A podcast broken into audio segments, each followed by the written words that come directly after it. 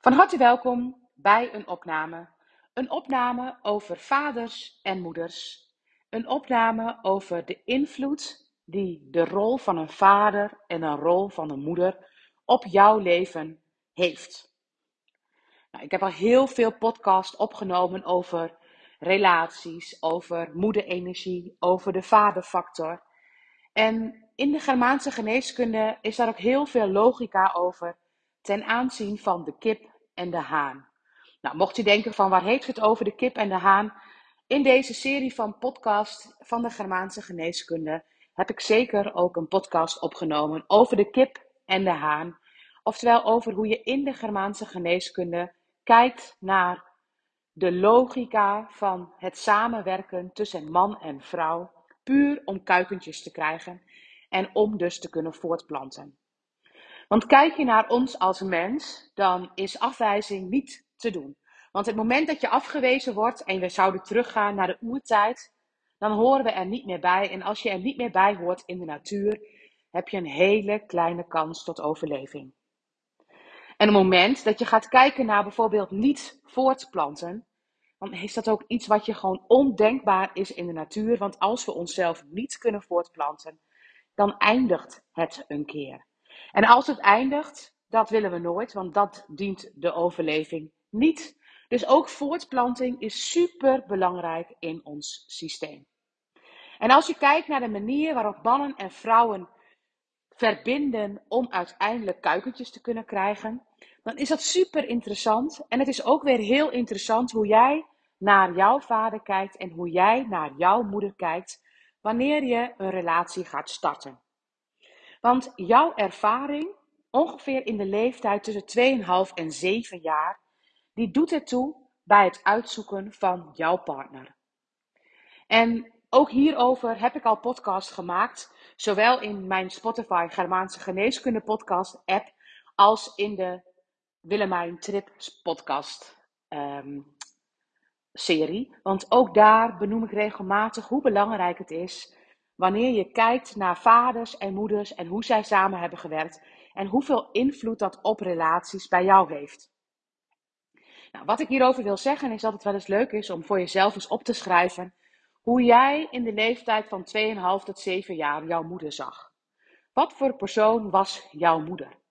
En als je opschrijft wat jouw moeder voor persoon was, beschrijf het dan gewoon eens van alle kanten. Wat waren lastige dingen van haar? Wat waren fijne dingen van haar? Waar liep je tegenaan? Hoe zag je haar? Communiceerde je met haar? En als je dan opschrijft hoe jouw vader was, wat voor man was jouw vader? En hoe zag je hem? En hoe besprak je dingen met hem? Was hij vaak thuis? En durfde je alles tegen hem te zeggen? En dan is het ook nog leuk om te zien hoe keek jouw vader naar jouw moeder? En hoe keek jij naar jouw vader en moeder samen? En hoe keek jouw moeder naar jouw vader? Want het maakt allemaal uit. Want in de leeftijd tussen 2,5 en 7 jaar krijg jij inspiratie over de manier waarop je je gaat voortplanten. Waarop jij jij bent en hoe jij dus in jouw leven zou kunnen gaan voortplanten. En voortplanten, dat doe je het liefst met een alfa-persoon. En wat is een alfa-persoon? In de natuur is de alfa van het soort de sterkste, degene met wie jij het liefst zou willen voortplanten. Ben je de beta, ja, dan ben je eigenlijk een soort van tweede rangs.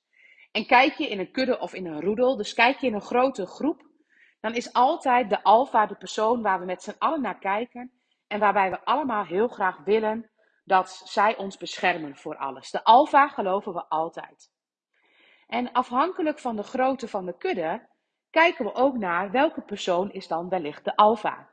En als je kijkt naar een grote kudde of een grote roedel, dan is de alfa de persoon die mag voortplanten. Dat is de persoon die daar toestemming toe heeft eigenlijk. Dus de beta heeft in principe geen mogelijkheid tot voortplanting, want als we naar een soort kijken, dan is het super fijn als dat soort zo sterk is dat hij maximaal sterk is. Dus wanneer we de alfa daarvoor inzetten, hebben we de grootste kans op de sterkste jongen, want de alfa is nou eenmaal de sterkste. Kijken we naar man en vrouw, dan hebben we elkaar uitgezocht en samen gaan we een kudde of een roedel vormen. Oftewel, als ik in een hele grote clan zit, dan hebben we altijd daar een alfa.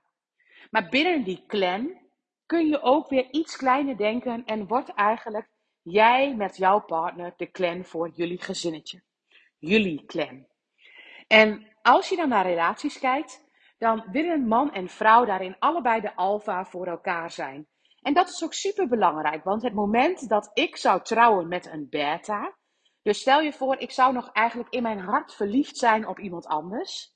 Ik ben verliefd, maar het is een onbereikbare persoon voor mij. Of misschien is die persoon overleden of is daar iets mee geweest.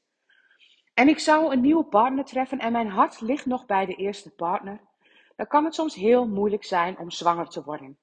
Puur omdat eigenlijk ik mijn hart, mijn alfa is iemand anders dan de persoon met wie ik moet gaan voortplanten. En kijk je naar de natuur, is het helemaal niet zo handig als je je gaat voortplanten op zo'n moment met iemand die beta is. Want je wilt toch de sterkste soort. Dus alleen al mentaal het gevoel hebben dat iemand de beta is, kan ervoor zorgen dat je niet zo gemakkelijk kunt voortplanten. Nou, dit is even terzijde. Als je kijkt tussen papa en mama, dan is het dus belangrijk dat papa voor mama de alfa is en mama voor papa. En dat met name ook in de leeftijd tussen 2,5 en 7 jaar. En ik weet dat er heel veel situaties zijn waarbij dat ingewikkeld is. Maar kijk dan eens hoe vader met moeder omgaat en moeder met vader. En kunnen ze ten aanzien van jou wel allebei in de alfa-rol blijven staan?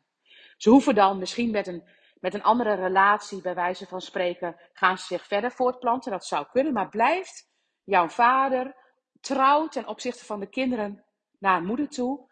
Of is vader bijvoorbeeld negatief over moeder? Of is moeder negatief over vader? En dan krijg je dus alfa- en beta-rollen.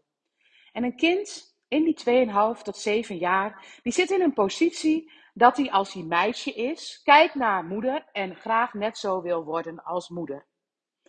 En stel je voor, papa vindt van alles van moeder, dan is het voor een kind heel ingewikkeld om te bepalen of moeder dan werkelijk de persoon is waar je op zou willen lijken. Dus kijk uit wat je op zo'n moment zegt, want dat kan het identiteit van een kind heel erg gaan bepalen. En kijk je dan naar bijvoorbeeld een jongen en vader en moeder zijn bij elkaar, dan is papa het grote voorbeeld voor deze jongen.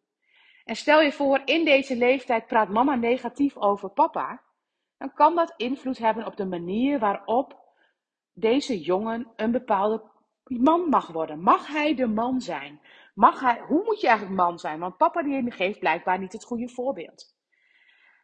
En kijk je dan naar hoe het eigenlijk mooi zou zijn, is dat een jongen zijn vader ziet als groot voorbeeld en zijn moeder ziet als de persoon waar hij verliefd op is.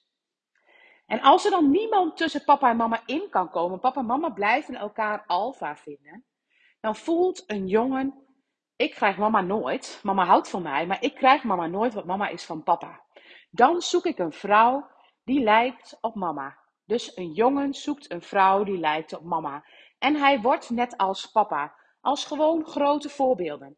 En andersom, een meisje die lijkt op mama, omdat mama lief is en papa die ziet mama ook als de alfa. En die wil graag een partner, net als papa. En automatisch gaat een meisje dan op die manier op zoek. Maar iedereen weet dat het vrij regelmatig niet op die manier zo werkt. Dat het niet zo mooi in harmonie met elkaar is. En dat is ook helemaal niet erg, maar het is wel fijn om te ontdekken, wat doet dat met een kind? Wat doet het met een kind om bijvoorbeeld moeder negatief over vader te zien terwijl je een jongetje bent? Wat moet je dan voor jongetje zijn? En stel je voor, ik zou zo'n jongetje in mijn praktijk mogen begeleiden. Dan zou ik aan het jongetje vragen, wie zou je willen zijn? Hoe zo'n jongen zou je willen zijn? Want wat eigenlijk super belangrijk is en wat eigenlijk de key is van dit hele verhaal. Wij kijken naar onze vader en naar onze moeder hoe we het zouden moeten doen. En dat lijkt wel alsof dat de waarheid is. Het is bijna ingewikkeld om dat niet als waarheid te zien. Maar het is natuurlijk niet de waarheid. Wij zijn ook alleen maar opgevoed met die opvoedkoffertjes. Op zo'n manier van op deze manier hebben wij het overleefd. Dus wellicht overleef jij het ook op deze manier. Maar het betekent niet dat het de beste manier is. Dus wat als jij voor jezelf mag bepalen hoe jij wilt zijn als vader en hoe jij wil zijn als moeder? En dat jij kunt inzien dat vader en moeder in dat stukje een bepaalde geschiedenis allebei hadden. En wat als jij kunt inzien dat het hier ook gaat over zomerwolf zijn en winterwolf zijn? Want in een eerdere podcast heb ik eens uitgelegd hoe het gaat over het zomerwolf en over de winterwolf zijn.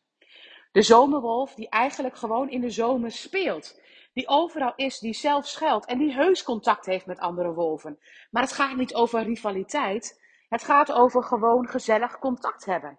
En het gaat niet over bedreiging of over voortplanting of over overleving. Het gaat gewoon over spelen. En eigenlijk is dat natuurlijk wat we allemaal graag willen. Lekker spelen, je niet druk moeten maken over van alles. Maar we zijn zo vaak in situaties waar het gaat over de overleving. Zelfs als wij een kindje krijgen hier in Nederland, hoe veilig het ook is, dan gaan we als vanzelf in mannetjes en vrouwtjesrolletjes. En het hoort ook zo, want dat dient de overleving. We pakken automatisch de kippenrol en de haanrol.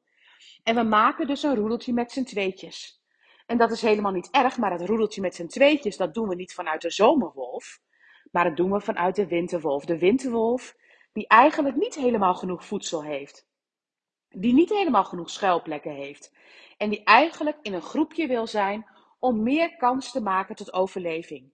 Dus een man en een vrouw die elkaar natuurlijk ook nodig hebben bij de voortplanting, maar die ook een groepje maken om het samen beter te overleven. Eigenlijk een soort van taakverdeling. Het betekent helemaal niet dat het nodig is, want stel je voor, het mannetje en het vrouwtje, of je besluit alleen een kindje te krijgen. Dan is het ingewikkeld voor een kindje bijvoorbeeld om een vaderrol te krijgen. Maar als jij zorgt voor een vaderrol en jij kunt de zomerwolf daarin zijn, dan kan een kind heel veel leren van die situatie. Als je wel, ziet dat het belangrijk is in de natuur om wel als jongetje te weten wat een jongetje hoort te doen en als meisje te weten wat een meisje hoort te doen. Niet omdat het erg is als ze dat niet weten, maar wel omdat ze in de basis de voortplanting wellicht toch nog graag willen. En dat seks de grootste drive is waar wij op, op aangaan. Dus de zomerwolf zijn. Het moment dat ik bijvoorbeeld allemaal thema's uit mijn leven pak ten aanzien van mijn vader en mijn moeder. En de manier waarop ik mijn binnenwereld leef, is nog steeds zoals mijn moeder haar binnenwereld leefde. En de manier waarop ik naar de buitenwereld kijk, is de manier waarop ik naar mijn vader kijk. Allemaal thema's die mij heel veel hebben geleerd, maar die er ook voor zorgen dat ik nog steeds in dat patroon doorleef. En sommige van die patronen zijn niet handig. Dat zijn overlevingsmechanismen die ten koste gaan van mijzelf. Die ten koste gaan van het, van het spelen. Die eigenlijk overlevingsstrategieën zijn. Bijvoorbeeld, in mijn moederlijn is het belangrijk dat je dienstbaar bent aan de partner. Wat misschien ook heel belangrijk was voor de overleving. Want hij bracht het geld in huis. Dus ik snap wel dat het belangrijk is om daar dienstbaar aan te zijn. Maar is dat nu nog steeds zo? Moet ik nog steeds dan die dienstbaarheid hebben naar een partner? Het mag wel, maar het hoeft niet. Ik mag het doen als ik het wil. Maar ik hoef het niet te doen omdat het hoort of dat het moet. En wij doen zoveel omdat het hoort of dat het moet of dat het normen en waarden zijn. En ga jezelf eens beseffen dat al die dingen wat jij moet van jezelf, in de basis overlevingsstrategieën zijn. In de basis dingen zijn waarin jij denkt in de winterwolfpositie. En hoe zou jij een keuze maken wanneer het de zomerwolfpositie was? Dus als het bijvoorbeeld gaat over eten moeten koken, dan wil ik ook heel graag eten koken, want vind ik zelf ook lekker. Maar het moment dat ik het zie als een moeten, dan is het bijna de vraag: wat gebeurt er als ik het niet zou doen? Want ik denk dat ik het zou moeten doen om te overleven. Maar is het werkelijk zo dat ik het zou moeten doen? Of mag ik het doen? En als ik het mag, dan krijgt het meteen een andere energie. Dan wordt het meteen weer spelen. Dan wordt het meteen weer de zomerwolf. En zo zijn heel veel patronen die wij van onze vader en moeder hebben meegekregen. Patronen waarin wij denken, ah, op die manier overleef je het. Maar wellicht zou je sommige patronen eens onder de loep kunnen nemen. Moet dat op die manier of mag dat op die manier? En als het mag op die manier, kies jij het dan nog steeds? Mocht je het interessant vinden om op deze manier te kijken in mijn opleiding Je Lijf en Brein zien, neem ik je helemaal mee in deze materie. Van de universele wetten, de biologische wetten tot alle kiembladen met alle ziektes en gedragingen. En op het moment dat ik het uitleg, dan leg ik het op deze manier uit met voorbeelden, zodat het kan beklijven en voor iedereen toegankelijk is. En zodat jij er als zomerwolf mee kunt spelen. En mijn opleiding is geen opleiding met een begin en een eind. Het heeft zeker een begin en een eind als jij de kennis tot je wil nemen. Alleen, ik geloof erin dat het moment dat ik mag delen wat mijn deel is ten aanzien van dat wat ik mag delen. Dus waar ik enthousiast van word, waar ik mee speel, waar ik de zomerwolf in ben. dan weet ik zeker dat als ik dat vanuit heelheid doe, met het verlangen om de hele wereld daarmee te bevruchten, en jij staat toevallig open voor die zaadcellen die ik dan spuit, want dat is eigenlijk wat je dan doet, dan weet ik zeker dat wij 1 plus 1 is 3 zouden kunnen zijn. En dat die kennis die ik dan via de opleiding Je Lijf en Brein zie, zien aan jou geef, jou weer verder brengt tot een 3. En ik hoop met mijn opleiding op deze manier iedereen te bevruchten vanuit enthousiasme. Want ik geloof er eigenlijk meer in dat het een mogen mag zijn met spelen. En misschien niet helemaal een begin en een eind, maar meer een soort community waar we met z'n allen deze kennis delen en waar we ook van elkaar kunnen leren. Dan dat er een begin en een eind is. Met uiteindelijk, als jij het allemaal hebt afgerond, wellicht een certificaat. Misschien komt het ooit nog, maar voor nu is dat niet wat ik voor ogen heb. Het allermooiste zou ik zijn, zoveel mogelijk mensen bevruchten, een community maken en met zoveel mogelijk mensen deze kennis delen. Inmiddels zijn er honderd mensen jou voorgegaan en um, ja, ik hoop dat het er nog veel meer worden, omdat ik, het gewoon, omdat ik zeker weet dat als deze kennis meer voeten in de aarde krijgt, meer grond onder de voeten krijgt, of hoe ik het ook maar zeg, dan dat als je deze kennis verspreidt, dat iedereen met zoveel meer vertrouwen naar het leven kijkt en met zoveel meer spelen in het leven zal staan. Ik denk dat we dan gewoon met z'n allen allemaal zomerwolfjes kunnen worden. Dankjewel voor het luisteren.